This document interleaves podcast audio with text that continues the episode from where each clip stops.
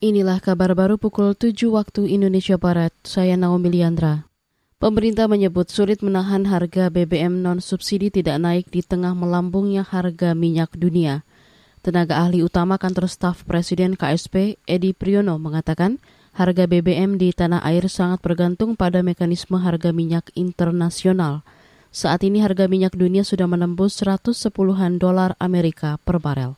Sementara kalau di APBN asumsinya itu 63 dolar per barrel gitu ya. Jadi uh, gapnya udah udah besar sekali gitu. Nah oleh karena itu kalau untuk BBM non subsidi itu sulit kita untuk tidak tidak menaikkannya. Nah Masalahnya adalah kapan dan berapa besar. Tapi kalau untuk BBM non subsidi ini kan bukan domainnya pemerintah ya Mas ya. Ini ini Pertamina gitu. Meskipun kita tahu bahwa Pertamina BUMN yang milik negara, tapi dia bukan instansi pemerintah gitu yang uh, setiap keputusannya kemudian harus sama seperti keputusan pemerintah bukan. Tenaga ahli utama KSP, Edi Priyono menambahkan harga BBM non-subsidi kemungkinan bakal terus naik jika harga minyak dunia terus melambung. Kenaikan harga BBM non-subsidi merupakan satu-satunya opsi untuk menutup selisih harga beli.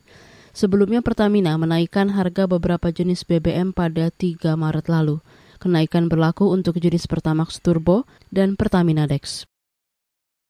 Kalangan pakar mengingatkan varian Omikron siluman memiliki tingkat penularan yang lebih tinggi. Selain itu, varian ini juga sulit dideteksi oleh tes PCR khusus untuk mengidentifikasi varian Omikron. Sebab menurut pakar mikrobiologi klinik dari Universitas Indonesia Amin Subandrio, kandungan asam amino alias delesi pada varian itu berkurang. Namun varian ini masih dideteksi oleh tes PCR dengan jenis sampel varian lain.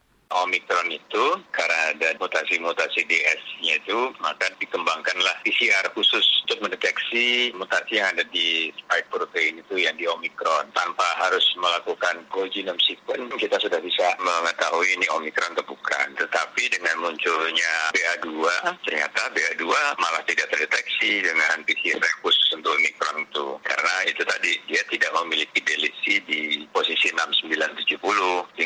kemudian si BA2 ini disebut sebagai Omikron siluman.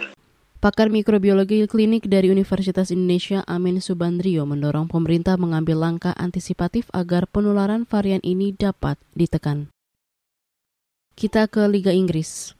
City menundukkan United 4-1 dalam derby Manchester. Kevin De Bruyne dan Riyad Mahrez sama-sama mencetakkan dua gol saat Manchester City menjauhkan diri dari kejaran Liverpool dengan menduduki puncak klasemen Liga Inggris. City mengoleksi 69 poin dari 28 pertandingan, sedangkan Liverpool mengumpulkan 63 poin dari 27 pertandingan.